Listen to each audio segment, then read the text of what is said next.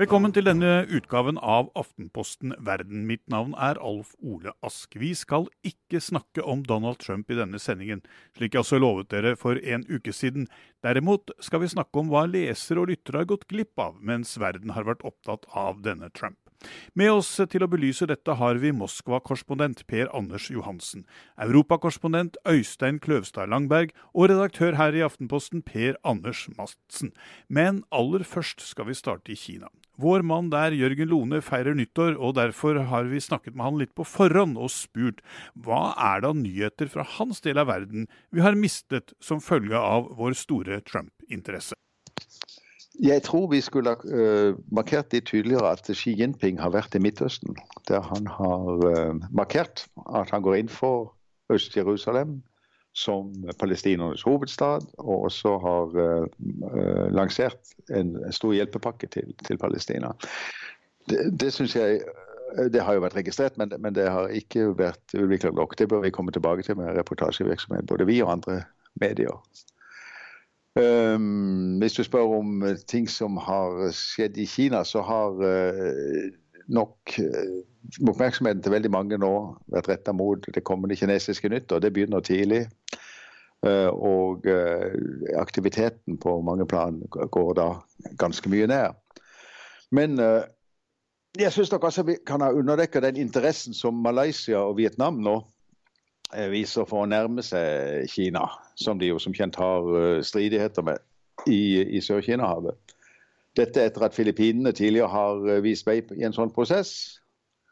En direkte årsak til at disse landene nå er kanskje er mer interessert i å nærme seg Kina, og Kinas alternativer til TPP, altså den store handelsavtalen som jo Trump har skrotet med å erklære at USA ikke blir med, eh,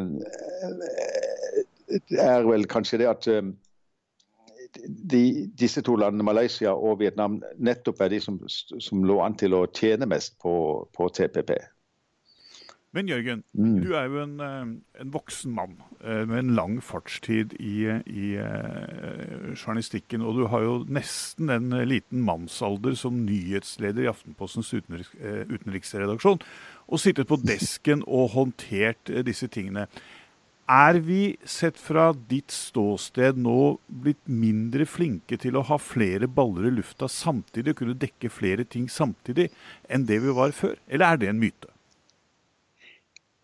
Det tror ikke jeg at vi er blitt mindre flinke til.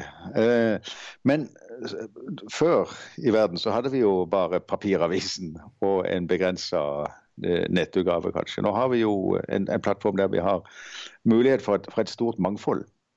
Men det ser, alltid, det, det ser, ikke alltid, ut som det er noe mangfold på de nettsidene. Det har vært veldig mye Trump på alle fronter det har vært forferdelig mange bilder av Donald Trump eksempel, på, på vår Ap Nord-forside. Er det med deg det. Og til en del av sakene blir de, blir de samme bildene brukt osv. Så, så det, det, det, ser litt uh, sånn ensidig ut. Men samtidig så må vi vel si at de som passer på å redigere denne, denne forsiden, også greier å få inn andre saker, syns jeg.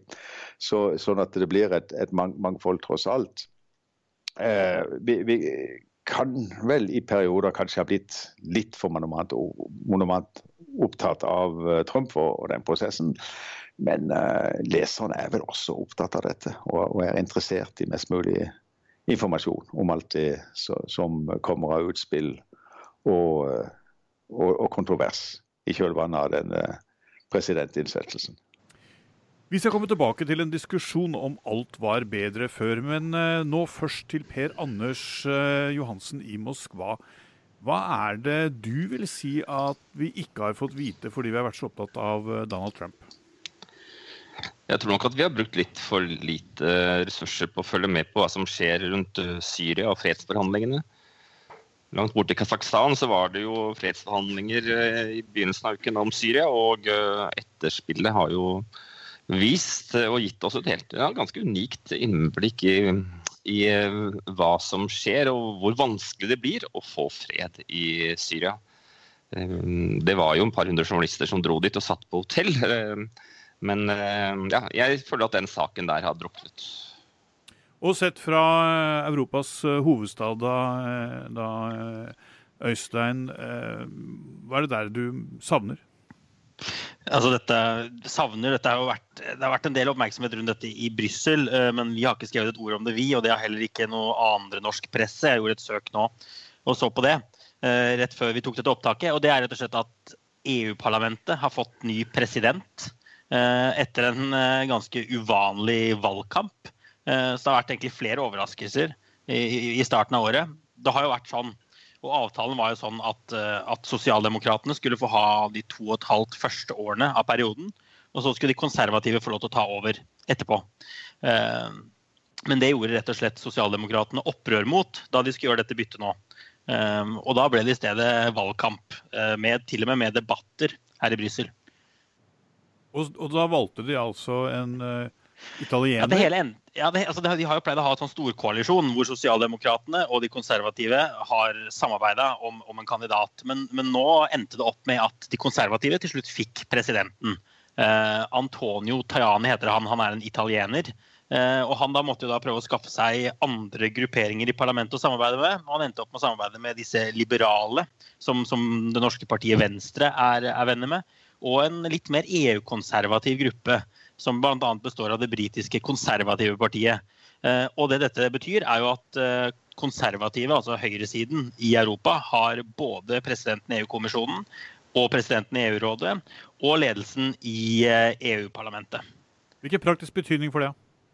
Det er det det, er det, det, det gjenstår å se. Eh, hva som kommer til å skje nå. Eh, det man jo kan håpe på, i hvert fall som journalist, er jo at det blir eh, en mer tydelig opposisjon i EU-parlamentet. E og at det ikke blir denne ekstreme konsensuskulturen som jo preger eh, i hvert fall de etablerte partiene i EU litt. Og Det kan til og med kanskje være sunt, men det blir spennende å se. Og Per Anders Madsen, vi har to Per Anders her i dag. Man blir forvirret av mindre. Hva, hva fra, fra redaktørkrakken i Aftenposten, hva er det du savner? Jeg har lyst til å peke på én stor sak. Uh, og Det er fristende å gjøre det fordi det skjedde akkurat uh, da hele verdens øyne var rettet mot det som skjedde i Washington i slutten av forrige uke. Da vedtok også den tyrke, tyrkiske nasjonalforsamlingen en rekke endringer i grunnloven, den tyrkiske grunnloven, som hvis det da blir godkjent i en folkeavstemning som kommer i april, vil gi eh, president Erdogan nærmest eh, enveldig, enveldig makt. Kortversjonen er vel at de fullmaktene han nå har under eh, unntakstilstanden, de blir en del av konstitusjonen og, og blir da permanente. Uh, og dette er en, uh, ikke helt overraskende, men likevel en oppsiktsvekkende utvikling i et uh, land som er stort og viktig, både i Midtøsten og også for Europa. Men eh, når du nå hører på de reaksjonene vi nå har fått fra Beijing, Moskva, Europa og det du selv her sier, så er det én ting som slår meg. Det man da på en måte savner, er mer om det vi allerede har skrevet mye om. Det er altså Kinas uh, rolle i Midtøsten, det er fredsforhandlingene i Syria, mm. og det er for så vidt institusjonene i EU. Men globusen består jo av uh, noen flere verdensdeler enn det vi har hatt blikket her nå. Mm. Er det ikke en eh, fare for at vi da fortsatt er litt nærsynte og glemmer f.eks. dramatikken i Brasil? Vi har hele bokstavelig talt uh, hvite, skråstrek svarte kontinenter for oss. Er det ikke en fare for at, at vi i en sånn situasjon mister disse elementene? Jo, øh, det kan du godt si, men det du peker på der, er et dilemma som jeg tror ikke er spesielt knyttet til den Trump-epoken, eller Trump-perioden vi nå rett har bak oss, og vi står fortsatt står midt oppi, og som på en måte var utgangspunktet for denne diskusjonen. Det der er dilemmaer som har preget debatten om norsk utenriksjournalistikk i veldig mange år. Hvor bør vi plassere våre korrespondenter, hva slags ressurser bruker vi på det? Så, så, der drar det opp et, et enda litt større, litt større lerret. Og der eh, oppfatter jeg at problemstillingene ikke er så veldig annerledes enn det, enn det de har vært i, eh, i mange år.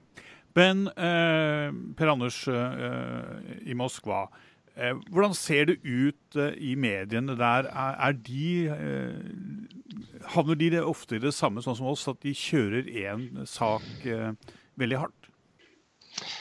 Eh, russiske medier er jo på mange måter litt mer mangfoldige og sammensatt enn det vi, vi, er klar over i Vesten. Hvis vi ser bort fra de store Putin-dominerte TV-kanalene, så har man jo en eh, flora av nettaviser og delvis uavhengige aviser som kjører sine, sin agendaer. Og uh, i det store og hele så er jo mange av de, de sakene som preger uh, vår agenda, altså knyttet til Trump, de går igjen her også. Det som jeg, jeg synes er veldig interessant akkurat nå da, de siste ukene, er at de store russiske mediene har begynt å bruke mer tid på skal vi si, normale nyheter om Russland. Om interne problemer knyttet til alt mulig fra helse og økonomi til eh, kriminalitet. Og rett og slett eh, begynne å snakke litt mer om eh, hva som er galt med Russland, hva som må gjøres her. Det syns jeg er en interessant utvikling, og jeg er spent på hvor lenge det vil holde. For jeg tror jo virkelig at det er, en, det er noe russiske medier trenger. For ellers så har jo det å følge russiske medier det siste halvannet året siden jeg kom hit, vært en besynderlig og til tider veldig skremmende opplevelse. Fordi at stort sett så har det dreid seg om, uh, om elendighet i Vesten, om um, Syriakrigen og Ukraina, mens uh, viktige, store samfunnsutfordringer i Russland har vært tiet helt i hjel. Øystein, du befinner deg på en spot i, i, verden hvor er Man konkurrerer med Washington om å være det stedet hvor det er flest korrespondenter til enhver tid. Eh, har disse nå gått og sparket småstein og tvinnet tommeltotter i gatene fordi de har for lite å gjøre, eller er, det, eller er, det, slik at de fortsatt rapporterer like mye hjem om hva som skjer eh, i EU-institusjonene og rundt i Europa? Nei, jeg tror det fortsatt rapporteres uh, veldig mye hjem. Uh, altså tar, altså, her i Brussel er det jo litt sånn todelt. Du har jo noen, noen, som prøver å være europeiske medier, og som prøver å dekke mer bredt. Og så har du jo de nasjonale mediene, da f.eks. de belgiske nasjonale mediene, de franske nasjonale mediene. Og det som er et faktum, er jo at, eh, at Trump dominerer også her. Eh, og det, er jo litt sånn det er jo vanskelig å skrive saker om veldig mange EU-temaer nå, i hvert fall av de større temaene. altså Forholdet til, til Russland, utvidelse, eh, Nato, handelsavtale.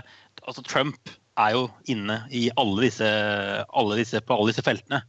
Så det er jo vanskelig å unngå han helt. Mm. Eh, så, så, så, så, jeg syns jo altså dekningen vår speiler omtrent den dekningen som de nasjonale mediene har rundt, rundt, omkring. De er selvfølgelig også opptatt av den, den, franske nominasjonskampen og hva som kommer til å skje der utover våren. Um, men, men, selvfølgelig, altså noen av de store, Financial Times, New York Times, de har jo et mye større, større nettverk og har korrespondenter også rundt omkring andre steder i verden som vi ja. ikke har. Det som har gjort meg, litt, sånn, har gjort meg nesten litt sånn dårlig de siste ukene, er jo at uh, vi som er nyhetsjunkies, jeg har jo varslinger på, så jeg får jo liksom annenhver time inn en eller annen sånn Trump-ild-varsling. da. Rett inn i fleisen på mobilen og på PC-en. og Der tror jeg vi er eh, mange nyhetsavhengige som uh, har fått en stor dose med, med Trump-nyheter. Og jeg tror vel eh, resultatet vil bli at mange av oss slår av nyhetsvarslingen. Det illustrerer jo en del av utfordringen for oss som journalister. det At vi nå er nødt til å pushe våre nyheter så mye mer aktivt og aggressivt for helt tatt å få oppmerksomhet i dagens mediesamfunn. Og det gir en del eh, veldig uheldige utslag, syns jeg. Ja, og det var jo også sånn at jeg sluttet forrige ukes sending må love at vi ikke skulle snakke om Trump i neste sending, og nå er navnet hans vært nevnt allerede syv ganger. Så det bare, vi illustrerer jo bare hvor håpløst uh, dette på mange måter er. Men eh, du er litt inne på utviklingen, Per mm. Anders, og det er ganske interessant. fordi hvis vi går tilbake til det amerikanske presidentvalget i 2008 Eh, hvor også medietrykket rundt Obama var helt vanvittig. og også ved innsettelsen hans. Jeg, jeg, jeg jobba selv der borte. På det tidspunktet, altså i 2008, så var det 100 millioner mennesker som hadde Facebook. Nå er vi altså oppe i noe sånt som 1,6 milliarder. Eh, hver gang eh, den nåværende amerikanske presidenten, som vi ikke nevner navnet på her nå, eh, eh sender ut en tweet, så er det en, nærmest en verdensnyhet. Eh, eh, er vi blitt for avhengige, som du var inne på, Per Anders, av disse sosiale mediene? At det er de som nå mer dikterer oss enn vår egen nyhetsprioritering? Hva tenker du på det, Per Anders Madsen? Nei, altså jeg jeg syns ikke vi kan skylde på sosiale medier for de prioriteringene vi gjør. Men det er klart at jeg som journalist blir jo påvirket av å være så mye nærmere både leserne og samtidig konkurrere med så mange andre kanaler om oppmerksomhet. Jeg mener når jeg begynte som journalist liksom på, for altfor lenge siden, snart 30 år siden, så, så var jo situasjonen helt annerledes. På andre siden så så tror jeg hovedproblemet er jo det som alltid har vært en utfordring for oss journalister, nemlig hva er egentlig en nyhet? nyhetsbegrepet er jo det samme, nemlig at vi prøver å skrive om ting som er uvanlig, vesentlig, overraskende. Eh, mens i dagens verden så tror jeg kanskje mange mennesker ønsker å høre mer om det som er det normale. Eh, altså om ting som består, som går bra. Og det er en stor utfordring for oss journalister som vi er nødt til å ta. Klarer vi å knekke den koden i Aftenposten, så tror jeg vi har, har skutt en gullfugl. fordi at som det er nå, så tror jeg vi eh, risikerer å gå glipp av viktige utviklingstrekk i samfunnet rundt oss. Rett og slett fordi at vi eh, bruker for mye tid på det litt ekstreme, det mest uvanlige. Eh, der hvor huset brenner, istedenfor der hvor eh, faktisk alt går ganske bra. Jeg, jeg, jeg, tror du er inne på noe veldig viktig med det du nevnte i sted. altså At, at selve den, den, teknologiske utviklingen uh, med push-varsler og det at vi hele tiden får i fleisen det aller nyeste om det aller største. Uh, altså Jeg skal ikke forskjønne sånn som sånn situasjonen var tidligere, men det er klart at den type trykk fra de aller største nyhetssakene har den fare ved seg at vi som journalister får vårt fokus og oppmerksomhet litt for ensidig rettet mot det. Og det, det, det tror jeg, Der tror jeg ligger en utfordring i, forhold til det å klare å liksom, ha et større vidsyn og gå etter de uh, andre sakene som, som, ikke er så på topp uh, i nyhetsbildet til, til, til enhver tid. Det, det, tror jeg blir en, en, en, Det er en større utfordring i dag, og det kommer til å bare bli en større utfordring i framtiden. Men er vi flinke nok til å ha mer enn én tanke i hodet, med å se mer enn én sak av gangen? Eller er det eller er vi presset inn i en form som gjør at det at vi, det er slik? Det, er en faglig, en faglig, utfordring for oss. Altså, nå, vi, nå, tar vi utgangspunkt i denne diskusjonen tar vi utgangspunkt i det som skjedde i USA. Det, det, er jo ikke rart at det blir en kjempesak, også fordi det er en annen type president som nå har overtatt i Amerika. som og som uh, situasjonsbildet fra Brussel også går ut på, at det, det, det, siver liksom inn i alle andre, eller veldig mange andre saker også. Så, så det, er, det, er, en unntakssituasjon. Jeg må akseptere at, at, det har det vært, og det kommer det kanskje være en stund framover også. Jeg tror ikke at vi som journalister er mindre flinke til å ha flere tanker i hodet samtidig i dag enn vi var før. Men det er altså, sånn som vi var inne på et sted, så er det noen, det er noen mekanismer i, i, i, utviklingen som gjør at, at vi må bare være enda mer skjerpet på vår vår, eh, vår evne til å, til, å, til å, fange opp det som ikke ligger helt på topp til enhver tid. Ja, og vi, kjenner jo det I Brussel kjenner vi på dette jeg vil si, altså hver dag. Eh, det er jo mange ting. Jeg dekker jo da hele Europa. Det er jo veldig mange saker vi gjerne skulle skrevet om, som, som, som det er veldig vanskelig å prioritere. fordi det, altså På lista står det på en måte, nå er det masse valg på gang. Det er migrasjonsbølgen som har vært her siden, siden jeg kom da, i, i høsten 20, 2015. Det har vært masse terror. Og, og, selvfølgelig da Trump og i tillegg dette kuppet i Tyrkia som har påvirka mye. Det er vanskelig å, å, komme seg ned fra disse aller største overskriftssakene og, finne de sakene som ligger under, som kanskje sier litt mer om hvordan det går med, med utviklingen i Europa. Men det Men vi må da fortsette å prøve det, prøve det selvfølgelig. Nei, altså jeg eh, Hadde noen fortalt meg den gang jeg ble journalist at jeg skulle sitte og være en sånn multitasker som jeg er i dag, eh, så hadde jeg ikke trodd det. Jeg er sikker på at både Øystein og jeg vi har sikkert en tre, fire, fem, eh, kanskje enda mer saker som vi akkurat nå holder på parallelt. Og det er jo vår, vårt forsøk på å prøve å skal vi si, komme ovenpå denne nyhetsstrømmen. Men er det en jeg syns synd på, så er det f.eks. vaktsjefen i Interfax her i Moskva. Han sitter og sender ut meldinger stadig vekk. Og når han har en viktig melding så pleide de å sende den ut i rødt. Men nå i dag så har de sendt ut 70 røde ildmeldinger på Interfax. Eh, I et slags sånn febrilsk forsøk på å få oppmerksomhet og inntrykk av at her har de en, en, viktigere melding. Og det tror jeg preger en del av mediebildet. Eh, nesten en sånn febrilsk eh, hysteriskhet. Og jeg tror løsningen må være å heller gå litt tilbake og prøve å lage flere saker som varer mer enn én dag. Og Det er jo noe vi diskuterer mye på møtene våre utenriks eh, og i Aftenposten. Klager vi lager journalistikk som er relevant over lengre tid, eh, så vil det være kvalitetstegn. Bare et lite apropos til dette med den teknologiske utviklingen. For det kom nemlig en, enda en liten nyhet fra Danmark for et par dager siden, som også var blant de nyhetene som druknet litt i Trump-orkanen. Danmark har nemlig som etter, i hvert fall etter eget sigende som første land i verden utnevnt altså Den danske utenriksminister har utnevnt den første det de kaller for digital ambassadør. Og det er rett og slett en ambassadør som skal eh, påta seg å eh, eh, ta vare på og eh, utvikle Danmarks forhold til eh, giganter som Apple og Google. Eh, fordi det, vurderingen er den at det er da konsern som som former og påvirker våre dagligliv og, og vår tilværelse i vel så stor grad som, som andre land. Eh, som, som, som, jo Danmark og alle andre land har, eh, har en ambassadører plassert i. Så nå skal altså sitte en, en, eh, en diplomat i, i, i, København, sannsynligvis, med, med, ambassadørstatus, og prøve å pleie Danmarks forhold til Google og Apple og Facebook. Ut fra den ut fra den uh, erkjennelsen at dette er størrelser som, uh, som også dansk, uh, Danmark som stat må forholde seg aktivt til. Det minner meg om da man i 2006 lagde stortingsmeldingen om norsk utenrikspolitikk, hvor det i utkastet sto at man regnet med at internett var kommet for å bli. Så danskene har da antageligvis gått, gått litt lenger. gått litt lenger. lenger. Vel, eh, vi eh, runder av denne diskusjonen om prioriteringer og utenriksjournalistikk. kommer vi til å eh, fortsette med. Du kan finne oss eh, sammen med store deler av eh, verdens befolkning på Twitter og Facebook. Vi er på papir i en postkasse nær deg. Og hva vi skal fylle sendingen med neste uke, det vet vi ikke. Men vi tar gjerne imot tips fra deg der ute. Mitt navn er fortsatt Alf Olask, og vi er tilbake igjen om en uke.